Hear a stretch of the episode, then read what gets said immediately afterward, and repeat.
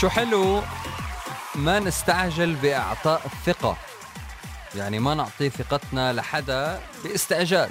بالزمانات كانوا أهالينا يعلمونا دائما حسوب حساب لخط الرجعة. لما كان يقولوا لنا هالجملة أنا كنت أستغرب إنه ليش طيب؟ إنه خلص ليش ليش هالجملة إنه حسوب حساب لخط الرجعة؟ دائما احسبوا حساب لخط الرجعة بكل الأشياء مش بس بإعطاء الثقة. بس اليوم حابب أحكي عن إعطاء الثقة بالذات.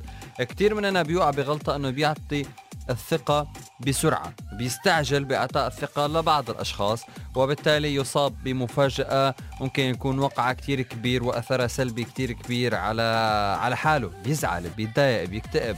فشو حلو عن جد؟